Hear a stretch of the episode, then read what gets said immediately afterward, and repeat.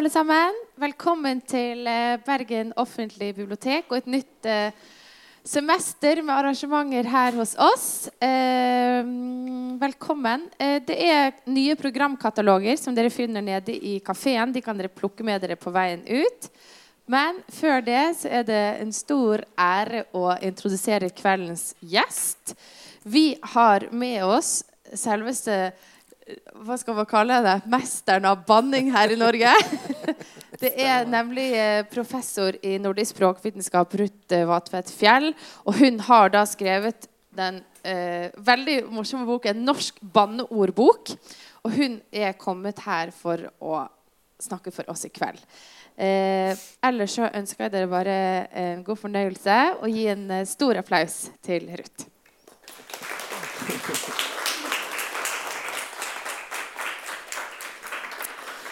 Tusen takk. Det er veldig hyggelig at så mange har kommet hit, syns jeg. På en sånn litt kald sensommerkveld eller høstkveld. Eller jeg kunne kanskje si det på en annen måte. Herregud, så mye folk der er. eller jeg kunne sagt jævlig mye folk her, da. Eller fy faen, her var det jaggu stinn brakke. Alt det kunne jeg sagt, og mer til. Og da tenkte jeg artig å åpne opp med det, for da kan dere tenke relasjonen mellom dere og meg den blir forskjellig avhengig av hva jeg sier. ikke sant?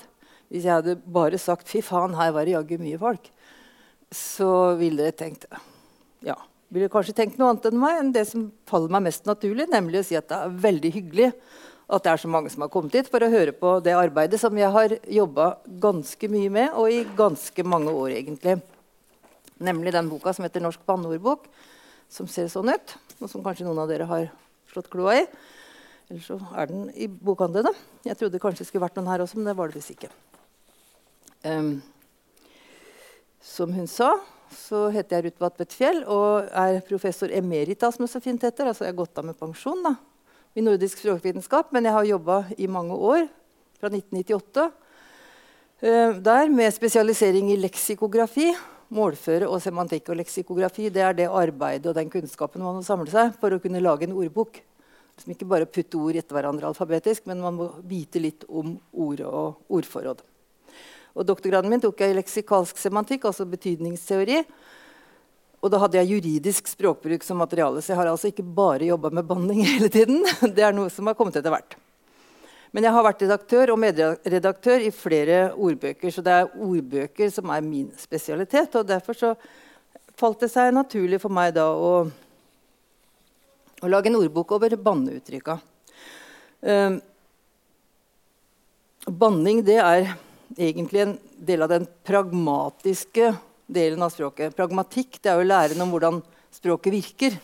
Sånn som jeg forsøkte å demonstrere med de forskjellige innledningsorda. Det virker forskjellig om jeg sier 'fy faen, så mye folk det var her', eller om jeg sier 'veldig hyggelig at det kom så mange'. Jeg sier jo egentlig det samme semantisk, altså betydningsmessig, men jeg sier det på forskjellige måter. Og det er jo det som er spennende med språket, at vi kan si ting på forskjellige måter for å skape forskjellige relasjoner mellom oss sjøl og resten av verden, eller dem vi snakker til og med. Men spesial, og det er ikke mitt spesialfelt pragmatikk, det er leksikal, eller, leksikon eller ordforråd. Det er det som er mitt eh, spesialfelt. Men jeg har nå holdt på med disse banneorda i ganske mange år. Og første gangen skal bare ta litt om meg selv, da var jeg intervjua i et program som het Mamarazzi i radioen. 1998. Så Da var det første gangen jeg ble spurt om dette med banning. Men jeg har jo vært interessert i det helt siden jeg var liten. Og det er sikkert mange av dere som har vært også. Merka at det var da rart at disse orda virker så annerledes enn andre ord. Så det, det er det. Eh, hovedarbeidet mitt eh, Så er det her jeg har sånn rødt? Nei. En sånn peker, vet du. Der, ja. Om banning og sverting sto i tidsskriftet Mål og minne i 2002. Det var da jeg virkelig satt, meg ned og jobba ordentlig og forsøkte å få en oversikt over ordforrådet i norsk banning. Og Noe av bakgrunnen for det var igjen at jeg har jobba med vanlige ordbøker. Men jeg så at de orda de mangla i ordbøkene. Og det er rart, for det er jo kanskje for mange i hvert fall, de mest frekvente orda som blir brukt. Og det vet vi jo at vi, Hvis vi skal lære oss et nytt språk, så er vi veldig opptatt av hvordan banner man på russisk eller hvordan banner man på fransk. eller hva Det er for noe. Det, det kan vi. Det lærer vi veldig fort. Og det er jo fordi det er veldig sterke ord. De virker veldig på akkurat det pragmatiske delen av språket. Så jeg har holdt på med det både nasjonalt og internasjonalt, men mest så jobber jeg nordisk. Øh, og er med i et nordisk nettverk for banning. Swearing in Scandinavia. Og vi har da annethvert år møter og diskuterer og legger fram forskjellige forskning om banning i de nordiske språka. Men vi har etter hvert fått inn folk både fra Frankrike og Tyskland og Litauen og mange land. Så det er, det er tydeligvis et fagmiljø som er veldig oppadgående, og som har vært dårlig utforska tidligere. Um, banning er jo en type stygt språk. Det lærer vi barna våre. Det, men det er mye som er stygt. Det er ikke alt stygt som er banning. All banning er stygt, men ikke alt stygt er banning. For vi har særlig dette med utskjelling, eller kalling. Det å kalle andre stygge ting det lærer vi også barna de ikke skal gjøre. Og det er ikke vanligvis banning. Så si f.eks. din latsabb, eller din sluske eller din drittsekk. Drittsekk begynner å ligne litt på banning. For dritt er jo noe stygt. Noe som er noe unevnelig. Men uh, at man er lat, det er jo ting vi kan si. At, men det er jo stygt å kalle et menneske for latsabb eller sluske. Legg merke til at det er utrolig mange flere sånne stygge utskjellingsord på kvinner enn på menn. Det er jo interessant i seg sjøl. Det kan hende jeg kommer innom det litt etter hvert.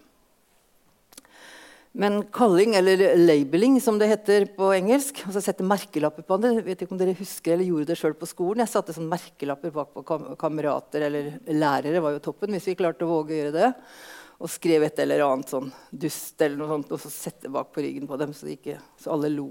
Det var, men det er jo å sette en merkelapp på andre. Det er jo å trykke andre ned på en negativ måte. Det er ikke noe forsøk på å løfte hverandre opp når man setter en sånn negativ merkelapp. Mens det å banne det er egentlig å ta overnaturlige krefter til hjelp, gode eller onde, for å liksom få uttrykt sterke følelser på en eller annen måte. Det er slik jeg definerer banning. Og dette med det overnaturlige det er jo da ofte de gode eller de onde maktene. Eller så er det også ekskrementer, og det er jo noe som mange lurer på. Er det, er det overnaturlig? Nei, ikke i dag. Men hvis vi går historisk fram, så skjønte man ikke i gamle dager hvorfor man ble syk av å være i nærheten av syke menneskers ekskrementer eller andre avsondringer. Altså, de visste ikke noe om virus og bakterier, og sånt noe, så de trodde det var trolldom. Rett og slett. Og det, så det er historisk. Og det samme med sykdommer. Da. Det er jo bare en videreføring av det.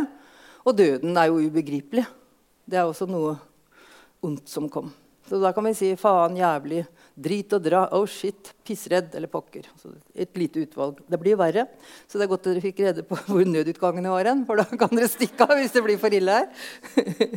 For jeg har jo blitt litt, som, litt ødelagt når det gjelder banning. Jeg kan si hva som helst. uten at I begynnelsen så var det veldig vanskelig for meg. Jeg tenkte jeg håper ikke mamma hører meg. Men nå er hun borte, og jeg har liksom ikke den sperra lenger for å ta de styggeste orda i min munn. fordi de er på en måte en, et faglig materiale for meg, og ikke, ikke, noe som har den Men jeg tror de aller fleste har den ekle følelsen når de sier de styggeste orda. Og jeg har et par-tre stykker fortsatt som, som jeg i hvert fall unngår å si offentlig. Men alt, både utskjelling og banning det er jo det vi kaller dårlig språk. Eller bad words på engelsk. Så det er det mye av. Og det må man kanskje passe seg for. Men det, er, det, som er interessant der, er jo at det er veldig forskjellige grader av tabuer. ikke sant? Og jeg prøvde å ta de gradene i denne første lille hilsenen min. Jeg har forskjell på å si 'herregud' og å si 'faen'. Det vet vi jo. Eh, en banning det er altså det vi sier at det er troll i ord. Uh, og det er mange forskjellige kriterier. Jeg ser det Når vi møtes på disse nordiske møtene, så har vi litt forskjellige kriterier for hva er banning og hva er ikke banning. Så her er det ikke noe sånn clear cut. altså Det er ikke noe sånn, det er helt sikkert ikke banning, og det er helt sikkert banning. Det kan vi godt ha, men det vil være et stykke i midten som er litt vanskelig. Sånn som f.eks. drit, som jeg snakka om. Men banne, banning den innebærer å ha en viss tro på at ord har magisk makt. Du må på en måte tro det sjøl. At når du sier 'faen ta deg' til noen, så virker det. For det er så godt, ellers hadde det ikke vært så godt å få det ut. hvis vi er innmari sinte på noen. Men det som er veldig interessant, og som veldig få før meg tror jeg, som jeg har sett har skrevet om, det er dette at det, Å etablere et tabu det er å sette grenser for å kontrollere andres oppførsel. For alt dette er jo, som jeg snakker om, det er jo språklige tabuer. Og tabuer det er jo noe som man har fra tongansk, egentlig, eller fra Fiji-øyene, altså fra, fra Stillehavets uh, språkene. Uh, for der var det jo bl.a. James Cook da, som var der, som havna på en sånn øy. Han oppdaga dette med tabu, at det var noe som var hellig. Antageligvis så misforsto han hva tabu var, for det var for dem både hellig og høytidelig. Og ikke nødvendigvis så veldig negativt, det som han oppfatta som var tabuer i de kulturene. Men det kom da inn blant, med, med, antropologer i, i, vestlig verden, som vi sier, og så ble, tok man inn det ordet tabu. Um, og da tror man liksom at det er en slags hellig makt i ordene i seg selv. Og det er jo veld, veldig, veldig rart, egentlig. Um, men i hvert fall Det er jo ikke lett å vite hvorfor et ord er tabu og et annet ord ikke er tabu. Det er veldig vanskelig. Og det er jo fryktelig vanskelig i fremmedspråk. Så når man kommer inn i en ny kultur, og det er noe jeg har tenkt på når jeg har lagd denne banneordboka, at den må være nyttig for folk som har norsk som andrespråk eller tredjespråk, at de kan slå opp der og se litt hvor For det, det vi, har vi sikkert merka hvis vi har øvd oss på et annet språk. Så kan vi lett plumpe uti det med å ta et for sterkt banneord eh, som ikke passer i sammenhengen. Så jeg har satt noen sånne lynn bak orda. i denne Antall lynn betyr hvor stygt det er. eller hvor pent Det er. Det er selvsagt også litt relativt, men allikevel. Uh, men altså, hvem det er som sier 'dette har du ikke lov å si', det har vi jo det må være noen som har makt over andre mennesker. For det er klart det er ingen ånder som har i hvert fall ikke min tro, at det er noen, noen åndelige vesener som har bestemt at det er lov og det er ikke lov. Det er jo noen andre mennesker. Og det er jo antageligvis mennesker med makt over folk flest. ikke sant?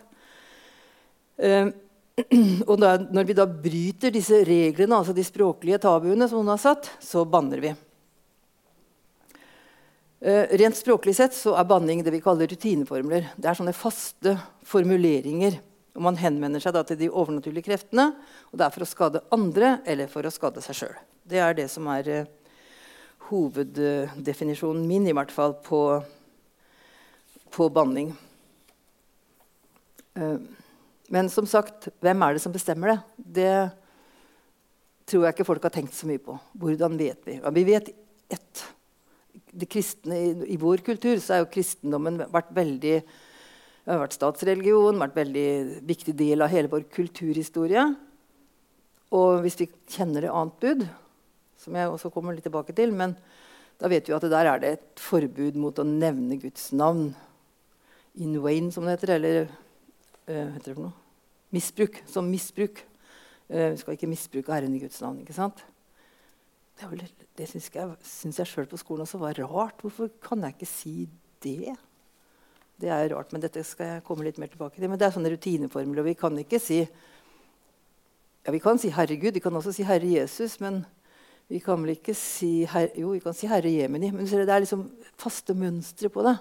det. det. er ikke så lett å finne på ny banning. Det er ganske morsomt at banninga er så gammel. Vi har så mye eldgammel kulturhistorie i banneorda våre. Og de har også forsøkt å dokumentere her da, så godt jeg kunne. Uh, som dere hører, så er ikke jeg fra Bergen. jeg kommer fra en annen del av landet. Nemlig fra Østfold. Eller nå heter det Østland. eller hva heter det for noe? Jeg er jo ikke helt sikker på det. Men i hvert fall, det var Østfold en gang. og der sier de 'helle måne' hvis de er litt overraska over noe. eller det er veldig sånn. Det er typisk for Østfold. Og helle måne det har jo ikke noe med en halv måne å gjøre. Men helle det er en forvrengning av herre. Og så Istedenfor herregud. Månen er nærmere Gud enn oss, så da tar man det. Finner på noe dikter opp. Men vi kan ikke si helle sol. Det kan vi ikke si. Så det, si det, er, det er helt fast hva som virker, og hva som ikke virker. i hvert fall veldig fast. Være kreativ når vi banner, det er ikke noe smart. Men eh, ja, herregud er det antageligvis. Og da har vi mange varianter av det. Helledussen. Det kan jo pene damer også si. Uten at det er stygt noe særlig. Men det betyr jo 'herregud'. Det er bare forvanska. Og det som jeg forundrer meg over, da, som har vokst opp nærmest på et bedehus Jeg syntes det var rart. Gud han var jo allmektig og forsto alt. og sånn. Så skjønte han ikke at hvis vi sa 'helle dussen', så mente vi 'helle Gud'. Herregud, Det er jo veldig sånn, underkjenning av Guds tenkeevne, syns jeg. sånn er det.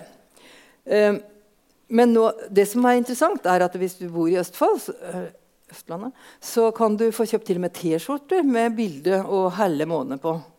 Det er ganske interessant. Og da tenker jeg at det,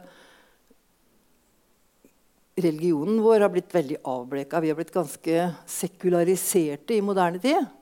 Så nå har dette med å banne det har blitt mye mer en markering av identitet. Hvem er jeg? Enn uh, det å misbruke Guds navn og sånne ting. Bryte tabuer. Men vi liksom vil si hvem vi er. Og det, hvis jeg sier 'Herregud, så mye folk det var her', så sier jeg litt om at jeg bryr meg ikke om normer, f.eks. Eller jeg er ikke noe så opptatt av å være høflig. Og hvis jeg sier 'helle måne', så da bonder jeg med de andre hjemmefra, kanskje. Eller jeg sier til dem at jeg kommer i hvert fall ikke fra Bergen, for der sier de noe helt annet. Hva sier dere når dere er veldig overraska? Typisk. Hellandet, kan dere si, ja. Eller så sier de 'gå, mann'. Eller jeg kan ikke snakke bergensk, men det er også veldig rart. Skal jeg komme litt mer tilbake til. Er det flere sånne gode bergensuttrykk her, kanskje? Ja, det er ikke vann... Ja. Men det er, det er mer ungdomsslang og ikke vel vanning i den forstand. Det er ikke noe overnaturlig. Men er du alvorlig? Mener du det? Herlighet, ja. ja. Og det holder jo, det, for det er jo Guds herlighet det er snakk om. ikke sant? Ja, riktig. Og det var en pen måte å banne på. Ja. ja. Mm. Herlighet, det tror jeg det kan jeg si også. og jeg kan også si noe som ikke dere kan si. Jeg kan si 'å gjetost'. og det er typisk å høre til Østfold, for vi har ikke noen diftong. Vi har ikke geitost, men gjetost. ikke sant? Men det er jo Jesus, egentlig. så det er mye rare, veldig mye rart, men er likevel så er det konvensjonalisert, som det heter. Men hvis vi da skal komme oss til Bergen, så sier man 'gå mann'. ikke sant? Tor Fauske er jo en forfatter som var eh, født i Bergen. Jeg vet ikke om det han kom på 30-tallet, den boka, men jeg syns gå man, hvor gøy det var. Uh, og det er for Man er begeistret. Men det var ikke det rart å si 'god mann'? Jeg spekulerte jo lenge på det til jeg plutselig slo meg. Jeg har bodd i Østerrike. Og der sa de hvis det var noe de var imponert av ah, Og det var veldig mye tysk påvirkning på det bergenske språket, så jeg tipper at det er lånt fra tysk. Og det betyr egentlig så er det en referanse til hvis dere husker, da djevelen tok med seg Jesus opp på et høyt fjell, og så sa han Se på alt dette. Hvis du bare bøyer kne for meg, så skal du få alt dette. Og da svarte Jesus. Husker dere det? Han sa, 'Vik fra meg, Satan'. Sånn. Vik fra meg, Satan. Og så gå vekk. Akke, ja. og det er den. Gå. så der ligger den fortellingen egentlig. Den tror jeg ikke bergensere tenker på når de snakker om gå mann. Men det er nok den samme. Gått av banen, sier også ungdommen. Eller i hvert fall en del gått av banen. Og det er jo egentlig det samme. Gå ut av min vei. Det er ikke fotballbanen de snakker om også. Selv om noen tror det.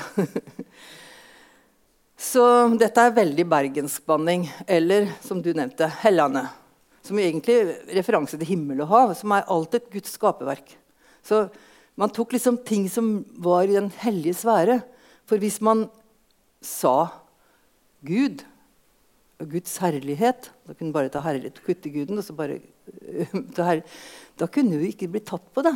Og det var selvsagt ikke Gud de skulle lure. Hvem var det de skulle lure? Kirken, presten, ja. For det var jo veldig alvorlig i gamle dager hvis du brøt annet bud. Du ble utstøtt av kirkesamfunnet. ikke sant? Du ikke, du, når du var død, du kunne ikke bli begravd i i viet grunn en gang. Og det var jo alvorlig når du virkelig trodde på dette her. Så det var veldig, veldig alvorlig. Så man har liksom drevet med, lekt med disse orda. Men det har gått hundrevis av år. Sånn at, eh, at eh, altså himmel, det er selvsagt himmel. Og hav, det er helvete. Det er det nede. Opp og ned. For det ene kan jo ikke eksistere uten det andre. Og det er jo interessant da at eh, også Kirken har jo avlyst helvete nå. Det innebærer jo at du nesten må avlyse det andre også. Det Helvete er jo avlyst i Kirken. Nå heter det Gehenna, og det er jo egentlig et fint sted. Så jeg har forresten også vært språkkonsulent på den nye oversettelsen av Bibelen, så jeg er ganske bibelopplest. også fra barndommen av. Det var himla artig. Det fant jeg et belegg i Norsk ordbok, den store som skal dokumentere alle dialektene. Det var himla artig. Fra Bergen, men for meg er det svensk. Himla, himmelsk, betyr jo egentlig altså gentivsformen. Så jeg vet ikke, Sier dere 'himla' i Bergen? Ja, Det var himla artig. Ja, mm. For da uttrykker man jo egentlig ikke sinne. Da er det begeistring. For banning i dag den brukes vel så mye for begeistring som for sinne. Men i hvert fall noen av de første som skrev om banning og sverging, det var ikke komikeren Otto Jespersen, men det var en danske språkforskeren Otto Jespersen, som var verdensberømt. Han var egentlig professor i engelsk språk, men han skrev en artikkel i et festskrift til en danske som het Hans Fredrik Feilberg, som var folkeminneviter. Og da skrev han, eh, og Han var folklorist da, og språkmann. Han var jo egentlig teolog, for det var jo teologene som visste alt på 1800-tallet og begynnelsen av 1900-tallet. Det var jo ikke andre som brydde seg om språk, nesten. Um, og det som var hovedinnholdet egentlig den artikkelen til Jespersen, var Eder avlegger mangfoldig vitnesbyrd om hvor tankeløst folk bruker sine morsmål. Og det er jo riktig. Når vi nå snakker for de sier ah, gå, gå, mann. Har ikke tenkt på hva, hva sier jeg egentlig? Men det, det snakker direkte til djevelen. Ha seg vekk. Og det har jo han rett i, og det er også noe som jeg tenker er begrunnelsen min for å beskrive banneuttrykka og deres opprinnelse og opprinnelige betydning, for den er jo selvsagt avbleka i dag. Eh, at man får et litt mindre tankeløst forhold til banneorda sine. Det er et av mine målsettinger. Han sa også noe annet. Han var nok ganske sikker på at banneorda kom til å forsvinne fordi at nå fikk folk så mye utdannelse at når de ble opplyst og fikk utdannelse, da ville de slutte å banne. Det var synd, mente han. Men der tok han feil. altså. Styggelig feil. Det blir ikke noe problem, det. Så jeg deler banning i to hovedfunksjoner, egentlig, eller kanskje i tre. hvis jeg tar med den nederste der. Men først og fremst er det alterbanning og egobanning. Alterbanning, da forbanner jeg dere, altså andre mennesker. Men hvis jeg har egobanning, så retter jeg det inn mot meg sjøl. Og det er to grunnleggende forskjellige måter å banne på. Eh, hvis jeg forbanner andre, 'pokker ta deg', sier jeg jo egentlig jeg skulle ønske at du fikk den dødelige sykdommen. Og pokker det er jo i gamle dagenes kopper. Men det var ikke bare kopper, for den, det var alle smittsomme sykdommer. For den smitte som de trodde var overnaturlig. Det, kjønnssykdommer florerte jo den gangen. Så det var jo den sikre død. Til og med Ibsen skriver jo mye om dette forferdelige sykdommene som han fikk av dette ryggesløse levnettet. Mm? På engelsk har det pox on you enda. Ja, det er samme. Pox og kopper er jo samme ordet. faktisk. Så de bruker det, sånn som vi gjør. Mens hva sier danskene? Har dere hørt det? De sier det også, men de har noe annet òg. Kreft eter meg, sier de. Måtte kreften spise meg opp? Da er det egobanning. Hvis jeg lyver nå, altså Du forsterker dine egne utsagn ved at du bruker det. Så de bruker kreften også. Den bruker jo ikke vi. Men i hvert fall, vi kan forbanne andre, vi kan kalle andre. Og da, hvis vi da bruker nedsettende ord og, og, ord som har kraft, sånn som dritt, som jo var smittsomt Det er jo derfor dritt det var jo pga. at ekskrementer har ofte bakterier. ikke sant? Så det er ikke noe annet med det. Men idiot det kaller jeg ikke for banning. egentlig. Det er en kalling, ren kalling. Men det at du er dum eller lat eller feit eller hva den er, som ikke er liksom akseptabelt. Det er jo ikke overnaturlig. Det er bare at vi er ekle mot hverandre. Så det er nedsettende kraft. Men hvis vi bruker disse overnaturlige tingene i tillegg, så mener jeg det er banning. Så har vi disse rituelle fornærmelser som ligner på utskjellinger, men det er liksom blitt nesten sånne riter rundt det, som 'motherfucker', eksempel, som kommer veldig nå. Eller 'morapuler', som det heter på norsk, moderne norsk. da. Som jo er rart. Det skal jeg også komme litt tilbake til hvis vi får god tid. så det er dette som vi tar over andre. Men når vi bruker det om oss selv, så er det jo et slags sverging. Det er ikke en forbannelse, men vi sverger. Um, og det er for at liksom, hvis jeg lyver nå, så kan kreften ta meg, f.eks. Pokker ta meg, eller hva det skal være for noe. Og da har det en slags sånn rensende utbrudd eller katarsis som det heter. At dæven ta meg. Eller bare dæven ta, men det er jo meg. Ja, det kan jo være deg også. Eller faen i meg. Nå må du faen i meg gi deg. Hvis ikke du gir deg nå, så kan jeg så, Ja, ikke sant? Pokkeren ta meg. Eller motherfucker der òg. Og så har vi disse rene forsterkerne, og det er vel egentlig ikke verken alter eller egobanning. Det er en litt annen, en sånn, så jeg egentlig skulle satt dette som et, uh, nummer tre. Det er jævlig trist. Jævlig koselig. Jævlig bra. Altså, folk sier 'jævlig' nå. Og hva betyr det å si 'jævlig'? Ja, det er en forsterking. Men hvorfor, hvorfor, hvorfor sier vi ikke 'mye' eller 'veldig'? Hvorfor sier vi 'jævlig'? Ja, djevel, at dette er djevelens verk. Altså det er forgjort av djevelen. Ja, da er det altså forgjort av ja, Da er det forgjort av djevelen. ikke sant? For djevelen kunne jo hekse.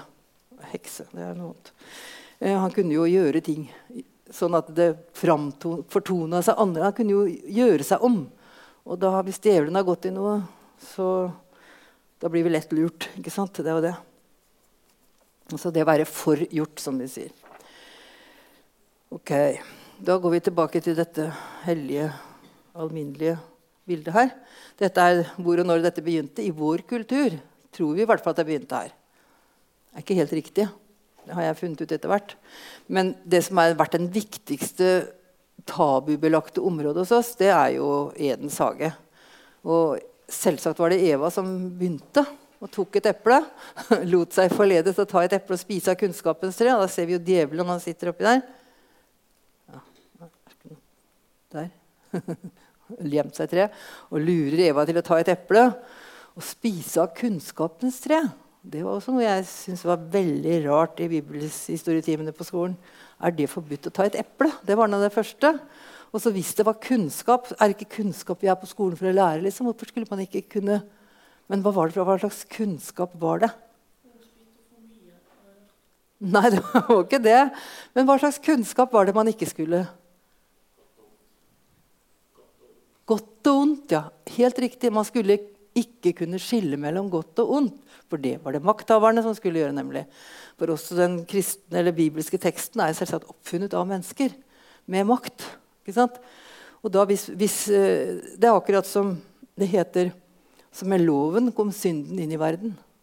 Hvis vi ikke hadde hatt noen lover, så kunne jo alle gjøre som de ville. ikke sant? Men så skriver man lover, og først når det blir regler, at noen kan tas. Du har brutt reglene. Og det måtte jo Gud være den som bestemte, og ikke menneskene. Så det er liksom det rare. Uh, så det å ta et eple var liksom det første tabu i vår kulturhistorie. Da. I hvert fall i den vanlige. Og Det betyr jo at de som bodde i paradiset, eller de som skal være i paradis, de må holde seg unna etikk og moral. Det er et interessant fenomen egentlig i en religion, men sånn er det.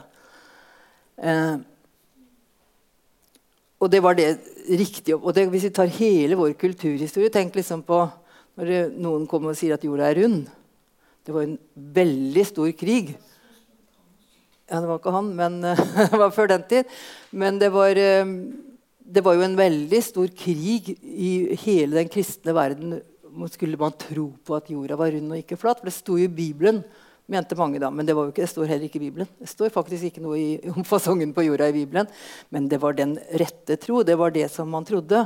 Og nåde dem som prøvde å rokke ved makthavernes verdensbilde. Det var det det dreide seg om. Og det, det, er sånne kanoniske oppfatninger egentlig av hvordan det er. Det, det, det er de som har makt, som sitter med det. Men da har vi altså dette formulert i vår kulturhistorie da, i det annet bud. Du skal ikke ta Herren din Guds navn forfengelig. Til Herren vil ikke la ham være ustraffet som misbruker hans navn.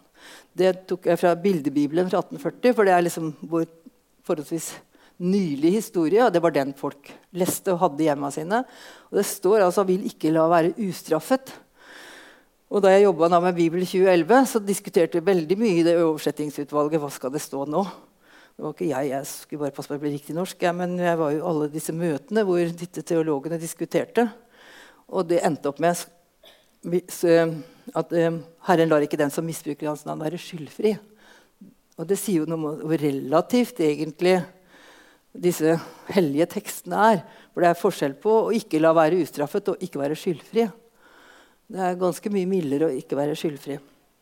Det var jo Kirken som hadde den makten til å bestemme hva som var den moralske rett og lov. Ja, så Derfor så har vi hos oss veldig mye såkalt celestial banning, altså himmelsk banning. Da, og Der er det de tre hellige som er viktige. Det er Gud, og det er Jesus, og det er Maria. Først Gud, det bruker vi jo så mye. og Det er jo brukt nesten for slitt. Og Gud av meg, sier vi. vi. Tenker vel ikke på at dette har vært et sterkt tabu. Eller å Gud. Og det som også er veldig pussig med banning, det er at jo lenger fram i munnhulen du artikulerer orda, jo penere er det. Det er penere å si 'gid' enn å si 'Gud'. det er veldig interessant. Men sånn er det. Og det går igjen på dette med kjønn, som jeg var litt innpå. At uh, kvinner skulle jo i hvert fall ikke banne. De skulle være lydige. De skulle enda mer lydige enn menn. Menn kunne banne, men ikke hvis det var kvinner til stede. Det er veldig interessante observasjoner eller historikk vi har på det. Men hvis kvinner bannet, så måtte de i hvert fall passe på at de hadde litt feminine, fremre vokaler. Så da ble det gid. Så det er veldig damete. Damebanning kaller vi det. Jeg har også markert en del damebanning i denne boka. her. Så er det Jesus. da. Han var jo på sitt populært banneobjekt. Jesus. Men det, det, var nok mye. og Jesus. Egentlig så er jo både Gud og Jesus en bønn om hjelp. ikke sant? Men hvis du sier det fordi du er sinna eller irritert eller oppgitt, så er det jo ikke det, og da er det misbruk. Jøsses, det er jo forvansking av Jesus, selvsagt. Eller det som vi hører i dag Jesus Christ. Liksom, da pakker vi det inn i engelsk. Da er det litt finere enn om vi sier det rett ut med Jesus. Og Maria har jo også vært trukket inn som Jesu mor. Hun har vært Guri Malla, kan vi si. Det er jo Gud og Maria som vi egentlig sier der. Vri litt på det. Eller så hvis ikke vi vil være så direkte at vi nevner en av de tre altså Den hellige treenigheten Nei, det var Den hellige ånd. Den, den har ikke vært utsatt for banning, tror jeg. forresten. Den hellige ånd. Nei, tror jeg ikke. Ja, hellig er jo. Uh, men Maria er jo der. Men omgivelsen, himmelen og Det kan jo si, kan være et bilde på Den hellige ånd, kanskje, men i himmelens navn. Og folk sier 'Å, Himalaya', men det er klart det er himmelen. Det skal egentlig, Så vrir man plutselig på det midt i ordet, og så blir det noe som ligner. Så ofte er bare begynnelsen på ordet nok til at det er banning. Så har vi de hellige personene, de vise menn og helgenene. Vi sier jazz for menn. Det er de hellige menn, altså helgene, de som var mellom folket og Gud. Som han refererer til der. Så det er uh, fryktelig mye som, uh, som uh, kan brukes som banning. Og Vi kan ta både himmel og, jord, og, da er det skaperverket. Du har satt himmel og jord i bevegelse for ditt syn om at kunsten er fri, er et belegg. Jeg har også bygd opp en veldig, veldig stor tekstsamling eh, for å finne belegg eller eksempler på forskjellige ord i bruk. Og der finner jeg også en del banning. Jeg skal komme tilbake til kildene mine.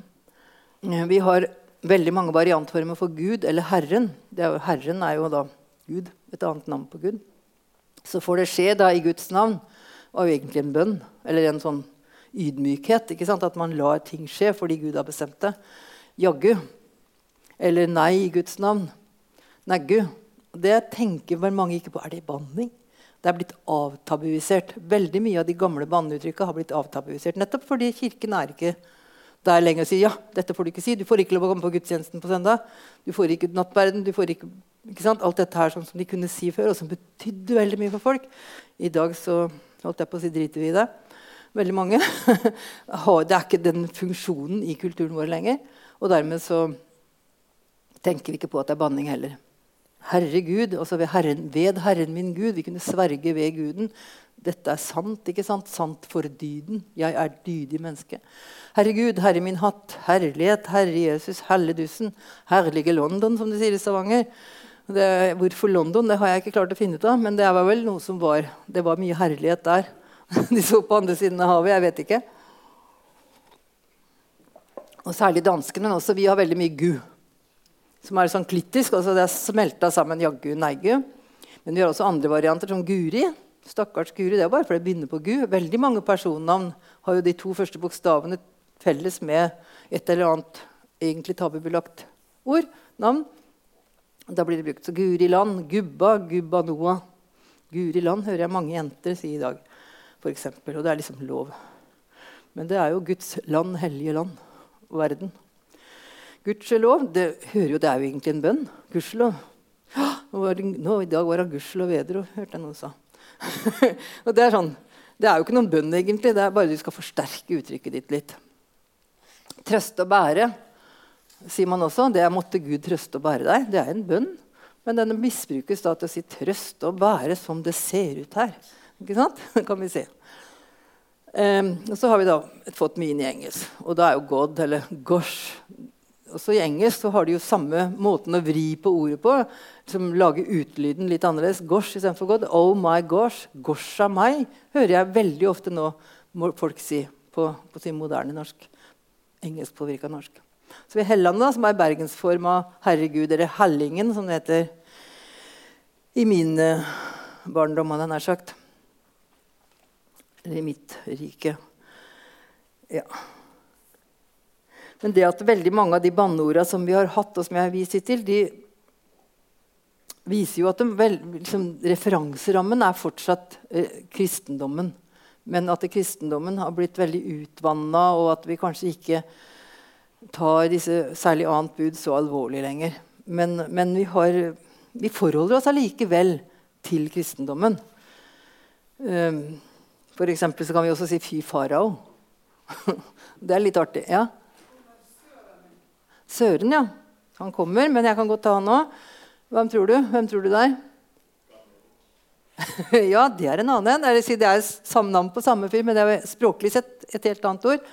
Men Søren det er selvsagt Satan, fordi han begynner på S. ikke sant? Så det er ikke noe verre enn mens Erik det er jo en annen en, en mye eldre fyr, egentlig. Ja, han var jo før kristendommen, egentlig førkristelig. Erik er jo en rik, rik mann, egentlig, altså en makthaver. Og det er jo de som har makt, som er, er de som man må ha. Vi kan ta litt om Jesus. Da. Jesus og herre Jemini. Jemini det var jo da en, en profet, egentlig. Men det er litt sånn blanda med Jesus, tror jeg. Hm? Ja, det kan nok godt hende. For det, mye i Bibelen var skrevet på gresk. sånn at det, det kan godt være. Så har vi gjettosten fra Østfold. da. Som jeg ofte kan si. Og gjetost. Da, da, er jeg hjemme.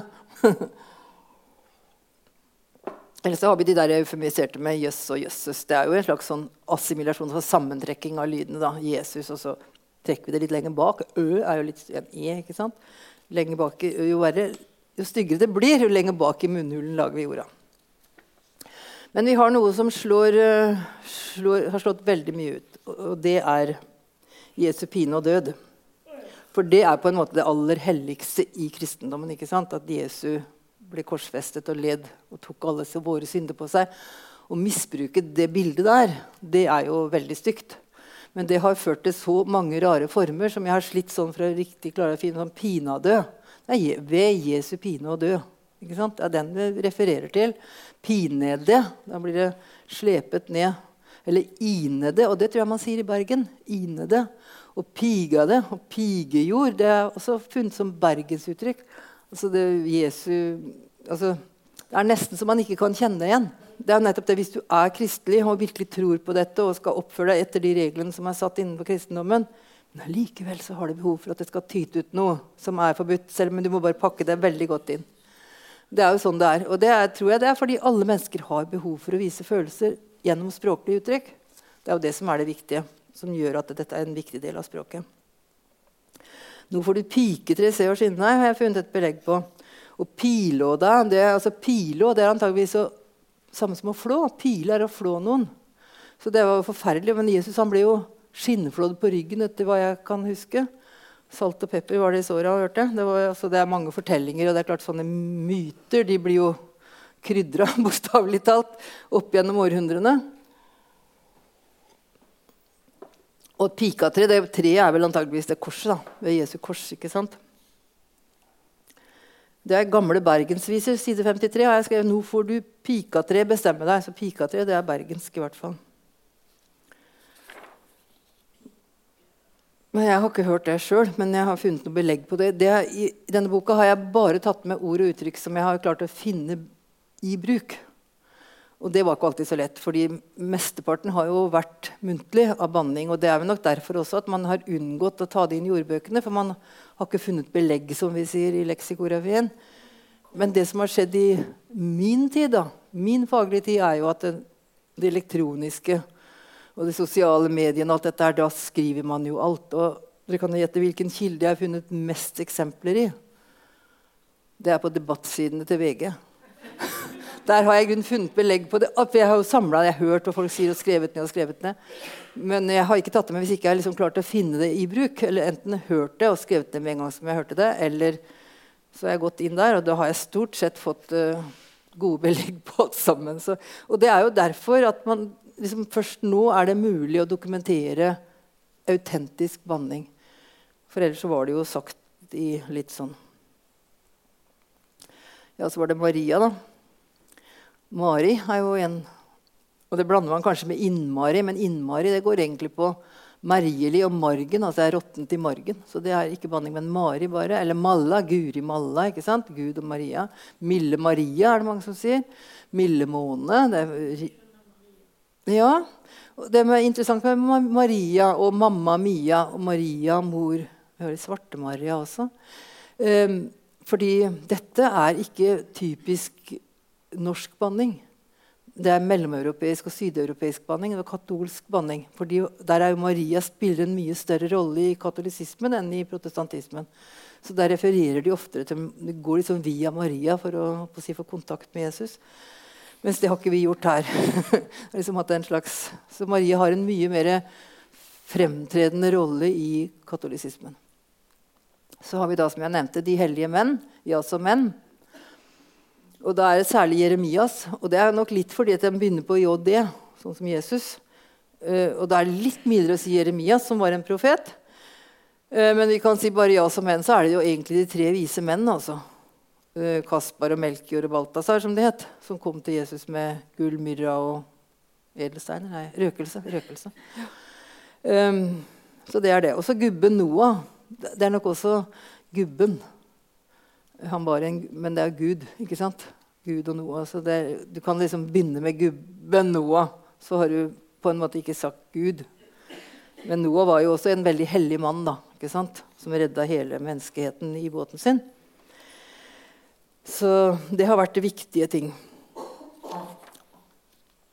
Så har vi da den diabolske banninga. Det er det svarte og det vonde. Fordi Vi kan ikke som jeg sa, ha noen himmel hvis vi ikke har et helvete. Vi må ha et alternativ. på en måte. Vi må ha en kontrast til det, ellers så blir det alt grått. Og det er nok å bare si, bare referere til det mørke, for helvete var jo alt det svarte og det onde. Å si 'for svarte' Alle vet at der ligger et ord til.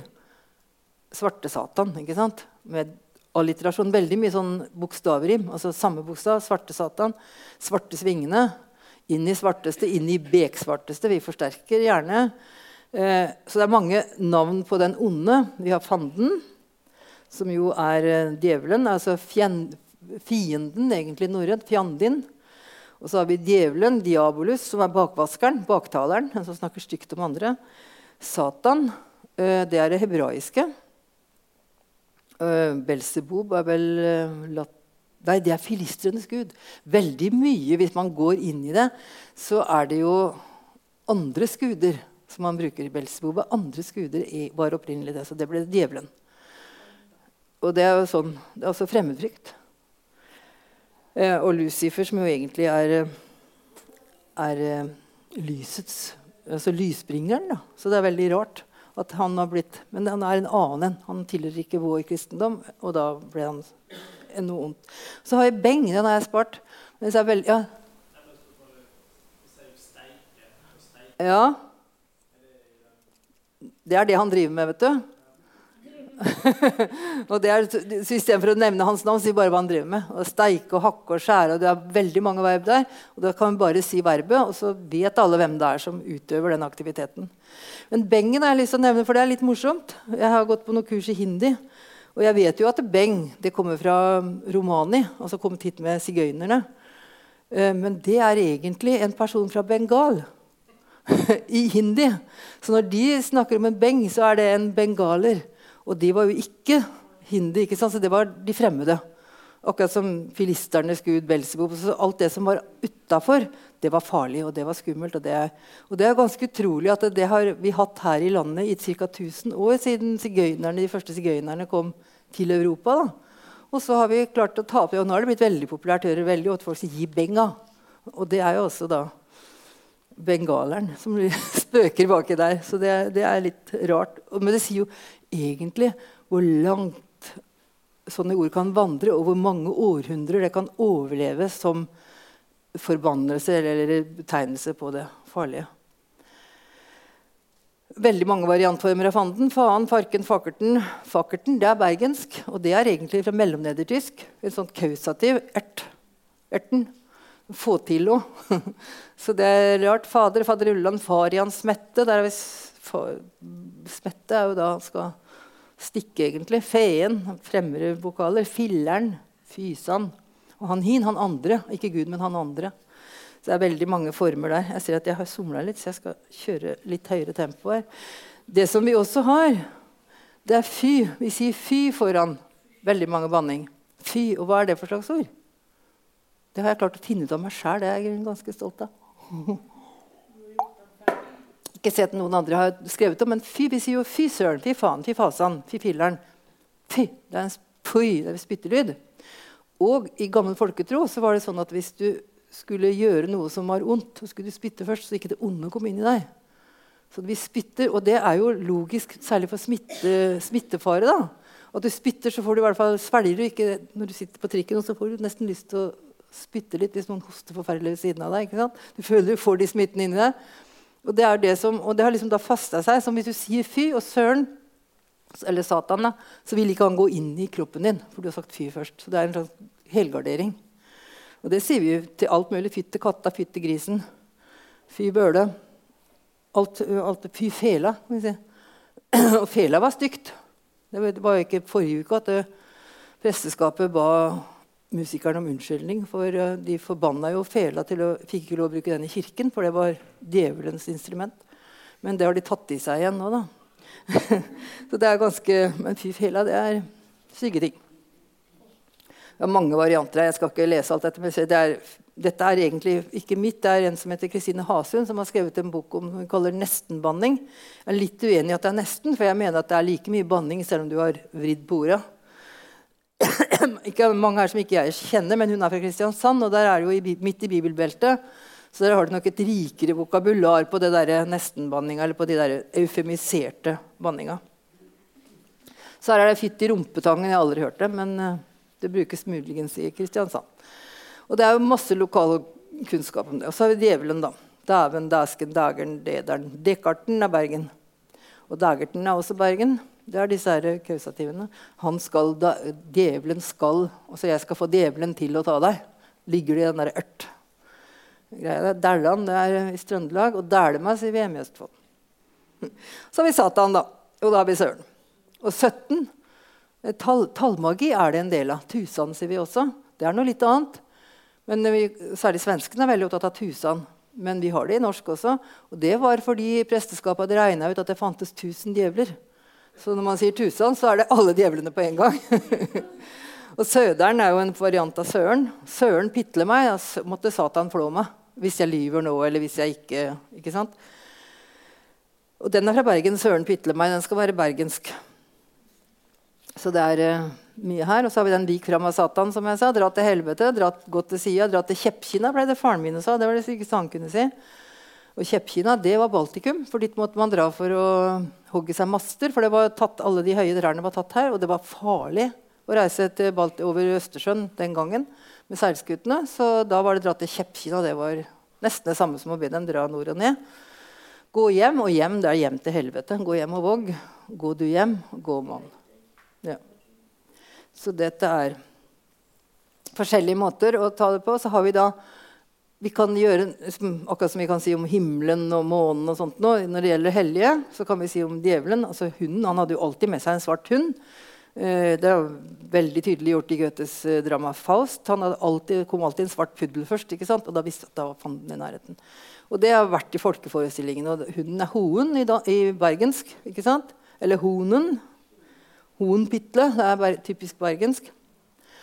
Eh, så det er den hunden. Og så har vi da selveste hjemmet. Da. Og det er jo det vi er mest opptatt av på den andre siden. Det er ikke så mye fanden som det er det stedet hvor han holder til. Og der, det har jo vært og Nå kommer jeg fra en bygd som heter Aremark. Jeg vet ikke om dere kjenner til den, men Der kommer det ikke bare meg som professor fra, men en annen professor, nemlig Ole Hallesby. som på 50-tallet holdt helvetesprekenene. Tenk hvis du våkner opp i morgen og er i helvete. Du må omvende deg nå. Det var liksom budskapet hans. Og det var i 1951, så det er en stund siden. Men altså, da hadde man den konkrete forestillingen at der var det det brant det, og det var varmt og fælt. I sydlige land så har jeg hørt at helvete, der er det kaldt. Det kan være sånn. Men det, det, har vi mange måter å si helvete. Helvete, helvete, helvete. Ja, det er en pen måte å si det på. Vi deler opp i tre og litt fremmede vokaler. Pesiko, det er visst også helvete. Gå til Pises, gå til helvete. Ditt peppergrør, det er varmt der. ikke sant? Gå til Dundas, det er nedenom og hjem. Eller Dunders. Og Dunders, det kan være og synes jeg er veldig morsomt, det kan referere tilbake til Tor med hammeren.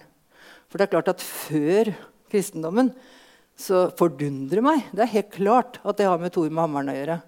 Og hvis dere kjenner til den finske eh, banneordet, som særlig han derre Pirka Perkele, og det er Tor Mammeren. Så det er det. Sånn at, eh, de har klart det.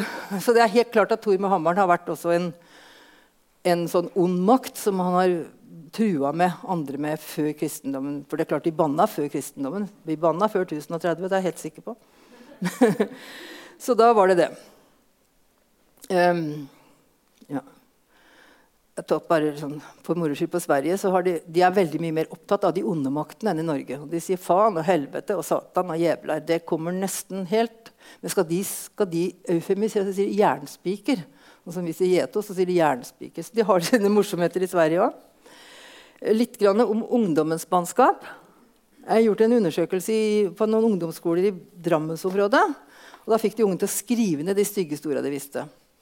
Og da ser dere fuck, faen, hore, lesbe, skråstrek homo, drittsekk, idiot, raring. Det er litt her, ikke banning, men satan, helvete, rasist, gay, bitch, kjerring, dust, dum, mongo.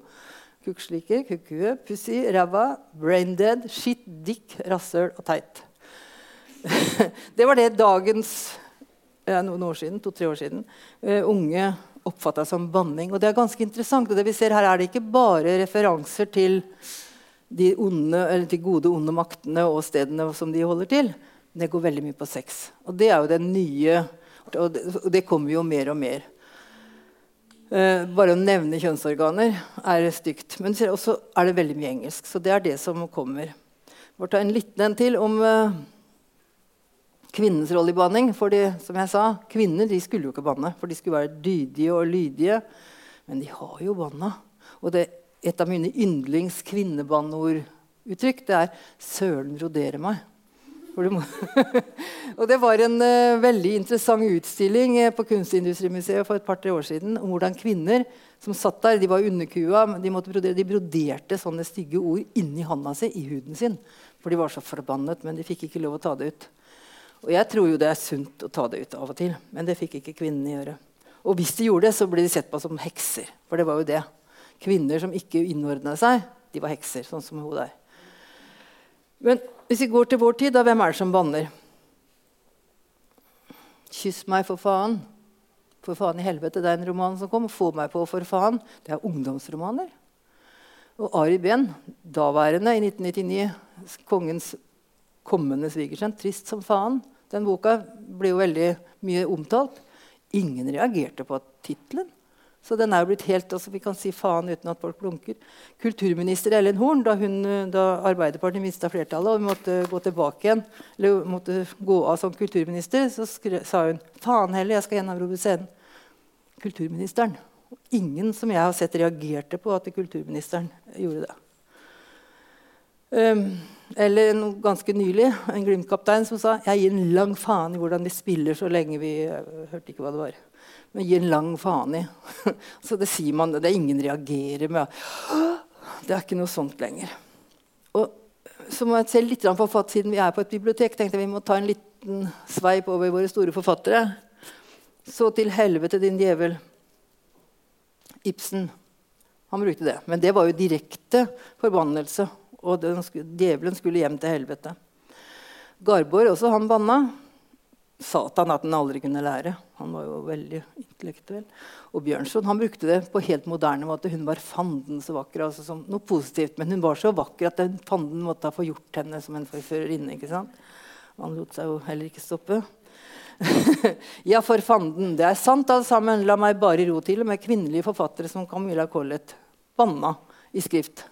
Og de gjorde jo det for å tegne personlighetene sine eh, naturlig. Derfor er det ganske interessant å se hvordan forfatterne har brukt banneord. Og jeg har sett litt på frekvens og ser at Bjørnson hadde mye fanden. 133 i det ikke så veldig stort korpus, men sammenlignbart i størrelse. Han sa mye fanden, eller skrev mye fanden, eller lot sine karakterer ofte si fanden. det er riktig å si. Ibsen brukte lite. ser dere. Garborg både helvete og herregud. Eh, Camilla Collett lite. Eh, Ragnhild Jølsen, som var ganske var sånn bohemforfatterinne, om dere husker henne. Hun hadde jo ganske mye fanden til å være en kvinne. Og herregud, men jeg synes det er ganske interessant at Jeger, som jo var virkelig Kristiania-bohemen, han banna lite, men han sa ja, brukte 'herregud' en del. Da. Og det er jo mye mildere enn fanden og helvete og Satan. Så ja, det er litt forskjell på dem.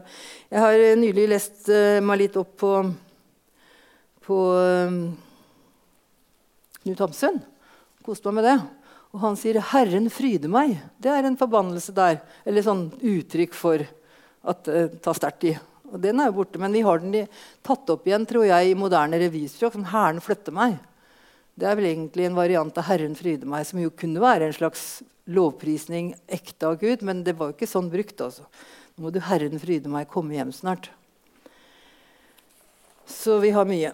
Og så ta litt på Ja, jeg laga den. 'Herren fryde meg'. Så, men det var mye på 1940-tallet, men det har sunket ganske. Det er ikke mye. Ingen som sier 'Herren fryde meg' nå. Jeg søkte ikke på 'Herren flytte meg', men Nasjonalbiblioteket i Oslo er jo et kjempestort korpus. Og skriftspråk kan vi lett finne hvilke ord som brukes. Og jeg har sett litt på f.eks. fanden. Fra 1840, eller 1810 egentlig, og så til i dag. Det sier at Fanden han ikke, står ikke høyt i kurs. Det, den går ikke lenger enn til 2013, men det er jo forholdsvis opp til vår tid. da. Det er ikke så mye bruk av fanden lenger i dag. 0,0005% av ordforrådet i det store korpuset i Nasjonalbiblioteket, som nå er på er flere milliarder ord i hvert fall. Det er lite. Satan han har også sunket veldig. Eh, bortsett fra Jeg har fulgt med veldig nøye på den TV-serien eh, Nei, ja, den også, men ikke den. Men den der om de som kjører på rally. Uh, Sjettiger. Sjettiger. For det er ungdom fra hele landet på forskjellige områder. Og de kjørte bil, og de var redde for de skulle kjøre om kapp. ikke fortest Og sånn. Og særlig jentunge oppi fra Finnmark. Hun banna så det rant hele tiden. Og det var Satan, Satan, helvete, helvete, Satan, Satan. Og så kjørte hun på rattet og kjørte som en gud, men uh, banna gjorde hun. som var den. Og der, der, der Nord-Norge bruker Satan veldig mye fortsatt. Men ellers i landet så er ikke Satan veldig mye i bruk. Ja? Det årstallet hvor eh, Satan går rett ned, ja. 1860, skjedde det noe spesielt? Jeg er pedagog, da. Jeg vet at vi fikk en skolelov i 1860. Ja, det kan nok ha noe med det å gjøre. Ja, det tror jeg. Og kirkens, stat kirkens status på slutten av 1800-tallet var veldig høy. Tror jeg, rett og slett. For, det det. For dette er i skrift. ikke sant? Dette er ikke tale hva folk sa. Det vet vi jo ikke, dessverre. Vi har veldig lite talemålskorpus fra den tida der. Men det er nok det. Helvete stiger. Og det er delvis fordi jeg tror det er avtabusert. Man tenker 'Å, helvete'. Jeg glapp den, liksom. Det er, noe, er ikke noe sterk banning i dag. Og det er jo, som sagt, det heter Gehenna nå i Bibelen, og det er, av, det er avlyst. Og Jesus, han, ja, han eh, flater ut, han også. Men jeg tror at Jesus kommer nå. Jeg hørte det som sagt på Bybanen nylig. Og Jesus Christ var det dame som sa. Kommer barnevogna. Fikk ikke akkurat plass her i Bergen nylig. Så, men det som er absolutt vinneren, er jo fuck. Det er jo helt uh, klart Det går rett opp i skriftspråket, og da går det jo enda mye mer opp i talespråket. Ja, det også. Uh, så, og det er jo veldig rart, da. Hvorfor det er et banneord. Fuck you. Men i din, men i din sånn taksonomi, mm. hvor ville den hørt hjemme? Ja, Det var det jeg tenkte jeg skulle prøve å forklare. Hvis ikke noen hadde den på Ja, nei. For det er jo litt rart. Jeg mener, Sex er jo noe som burde være fint, og ikke så fælt. Men det viser seg at dette har opprinnelse i amerikanske fengsler. Og det var gjerne da selvsagt homosex, eller ikke homosex engang, men det var straffepuling, som det heter på norsk. Og så var menn som voldtok menn. Og gjerne det verste man kunne oppleve i amerikanske fengsler, det var som det som vi hadde som gapestopp i gamle altså bli bundet til senga. For da var du totalt offer for dine medfanger. ikke sant? Så det er jo en grusom handling, egentlig. Å bruke sex som straff mann og mann imellom. Det er egentlig det det er. Så det er ikke normal, koselig sex. Det er rett og slett ondskapsfull. Og det er jo kanskje i den situasjonen vi er på vårt aller mest sårbare som mennesker. Så når vi ikke har noen guder eller noen andre overnaturlige ting, så blir det på en måte jeg tenker Vi går liksom nesten tilbake til fruktbarhetskulturen, ja, som var førreligiøse forestillingene som vi hadde. Det kan i hvert fall minne litt om det. Og da blir jo det å tråkke på den delen av et menneskeliv kanskje noe av det verste vi kan gjøre. Men det har også blitt avtabuisert. og Jeg har akkurat oppdaga at det er kommet en, en slags ja, forening eller hva skal jeg si, det er en aksjon som heter Fuck Cancer. Og den hadde bare 3,6 millioner treff på Instagram i dag. Altså, så det er mye. Og det er worldwide, som det heter. Det er alle sier fuck. Det, det, jeg har skrevet en artikkel om bruken av fuck over hele, i mange land som spredt over hele. Og, og, det viser seg at fuck er det som tar over som banneord over hele verden. Og det er veldig rart. Det er litt tragisk òg. Ja, det er jo noe med selve det fonetiske uttrykket også. Det er liksom et støt, ikke sant? Så det passer veldig fint. Men sånn som fuck cancer, det viser jo at det også nå etter hvert blir ikke et banneord, ikke et sånt som fuck you, som jo fortsatt er en stygg forbannelse. Men uh, det blir en slags sånn trassighet, pågangsmot. Fuck cancer. Det er liksom Jeg gir meg ikke, tenker jeg. Et annet et vi har som stiger veldig i god norsk, det er skitt. Ja. Uh, vi har jo hatt drit og dritt. Det har jeg også gjort en undersøkelse av forskjellen mellom drit og dritt som Språkrådet har nettopp gjort noe, gjort noe, med også. Men det er lenge siden jeg skrev om det. At drit, da er det i overført betydning, mens dritt, da er det avføring. for å si det sånn. Enten dyr eller mennesker. Mens drit, og det brukes jo både positivt Dritbra, dritkul, Dritnye folk. Og så kan brukes til hva som helst. Det som er det egentlige banneordet nå, det er jo der. Motherfucker. Og det er klart det går på incest. Det er en, også en avvikende form for sex. Men uh, ja, det er jo noe med artens bestående og ikke-bestående. nærmest. Altså, hvis uh, det er sånn man bedriver sex, så blir det jo dårlig Det er relativt uh, nytt. Og det, men jeg ser nå kommer det også som norsk morapuler.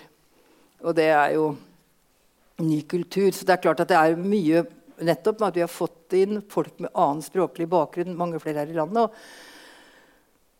ja, gjort en kjapp nå ser klokka har gått litt fra meg, men en kjapp undersøkelse om hvilke aviser som har mest banning. Og da er det jo Dagbladet som har mest. VG har nummer to. Men jeg tror når det gjelder på debattsidene, så tror jeg VG ligger på én. Det har jeg ikke undersøkt, for det er vanskeligere å få telle opp. Aftenposten på nummer tre, som har mest banning. Mens det som har minst, det er Fedrelandsvennen, naturlig nok. Stavanger Aftenblad nummer to og Bergenstiden nummer tre. Så der ligger dere jo godt an her i byen. Så jeg har sett litt på banning i TV, for jeg har vært språkkonsulent i NRK i mange år. Og der ser vi at uh, banning på TV øker veldig. Ikke sant? Det er mye mer, altså Den røde perioden er en andre periode, er to perioder. 2003-2006 og 2007-2010. Og den perioden fram til 2006 så var det jo, det var jo helt forbudt å banne på NRK. I hvert fall. Dette er jo på TV, står det, men det er på NRK. Uh, mens uh, ja, men etter 2007 så har det jo økt enormt. Mens fornedrende uttrykk holder seg. altså sånn andre sånn Latsabb og drittsekk og sånt noe, så det holder seg uh, ganske mye. Og jeg så på Facebook nå et eller annet en sang som var lagt ut på nrk.no. Jeg holdt på å få sjokk. Jeg skal ikke sitere den, men jeg bare det er lenge siden jeg var språkkonsulent der nå. så det øker veldig. Og blir, altså, da er det jo helt avtabuisert. Når kulturministre og statskanaler altså kan bruke disse orda helt uh, fritt. Altså det som jeg undersøkte, var faen, Satan, Herregud, Jesus, jævlig, jævla, helvete. Forbannet og forbanna og for himmelens skyld. Det var det de tella opp der. sånn. Og det, alt det er jo egentlig tabu. Jeg tror jeg sier at det, ja, ta en, jeg hopper litt her. Den her. Hvorfor banner vi? Satt, og det er jo sterke følelser, først og fremst. Jeg tror vi har alle behov for, om vi nå skal si Fakkelten, eller om vi sier Fabian, eller hva vi sier for noe, så, eller Aspedistra, eller hva det skal være, har vi behov for å markere nå har jeg en sterk følelse. God eller vond. Det er det ene. Det andre er at hvis vi føler oss maktesløse altså maktesløs, Avmaktens språk. For det er nettopp som jeg sa, de som har makt, som kan sette regler for hva som er lov, hva som ikke er lov. Og da er det jo de som ikke har makt, som bruker det. ikke sant? Og som blir tatt på det. Og hvis du blir behandla innmari dårlig, så kan det føles godt å si din jævla dritten der som har bestemt det for meg. ikke sant? At jeg måtte gjøre den jobben. eller hva Det er for noe. Det er godt å si det, særlig til en arbeidskamerat. Men det er ikke oppover. det er du, du, har ikke noe annet å gjøre, men vanne, språket er ditt. Det kan du bruke. Så er det opposisjonstrang. Så bryte de tabugrensene som er Jeg vil Fuck cancer, altså. Eller oppmerksomhetstrang. Mange er jo, vandrer hele tiden for å være underholdende og tiltrekke seg oppmerksomheten. Og det funker jo også som regel bra. Eller så har vi det som jeg åpna med, identitetsmarkering. Hvem er jeg i forhold til dere? Hvem er dere i forhold til meg? Og så er det en del mennesker som bare gjør det hele tiden. og Det kaller jeg for vanebehandling. Og det er jo ofte folk som har, har det vanskelig. da. Som ja, misbrukere, f.eks. To trøtte typer. Det var et program som gikk i NRK da jeg var språkkonsulent. Det var to som satt i en sofa, og de banna jo hele tiden. Og det sånn som hun Mika som kjørte bil oppe i Finnmark også. Hun banna hele tiden. Jeg tror ikke hun var klar over at hun banna. Og det kaller jeg vanebanning. Det har liksom bare blitt en del av det som tyter ut. for å si det sånn. Jeg tror ikke det er noen sterke følelser i det hele tatt. Det er bare Sånn gjør vi det. Nei, men da takker jeg for frammøtet, og så sier takk for meg.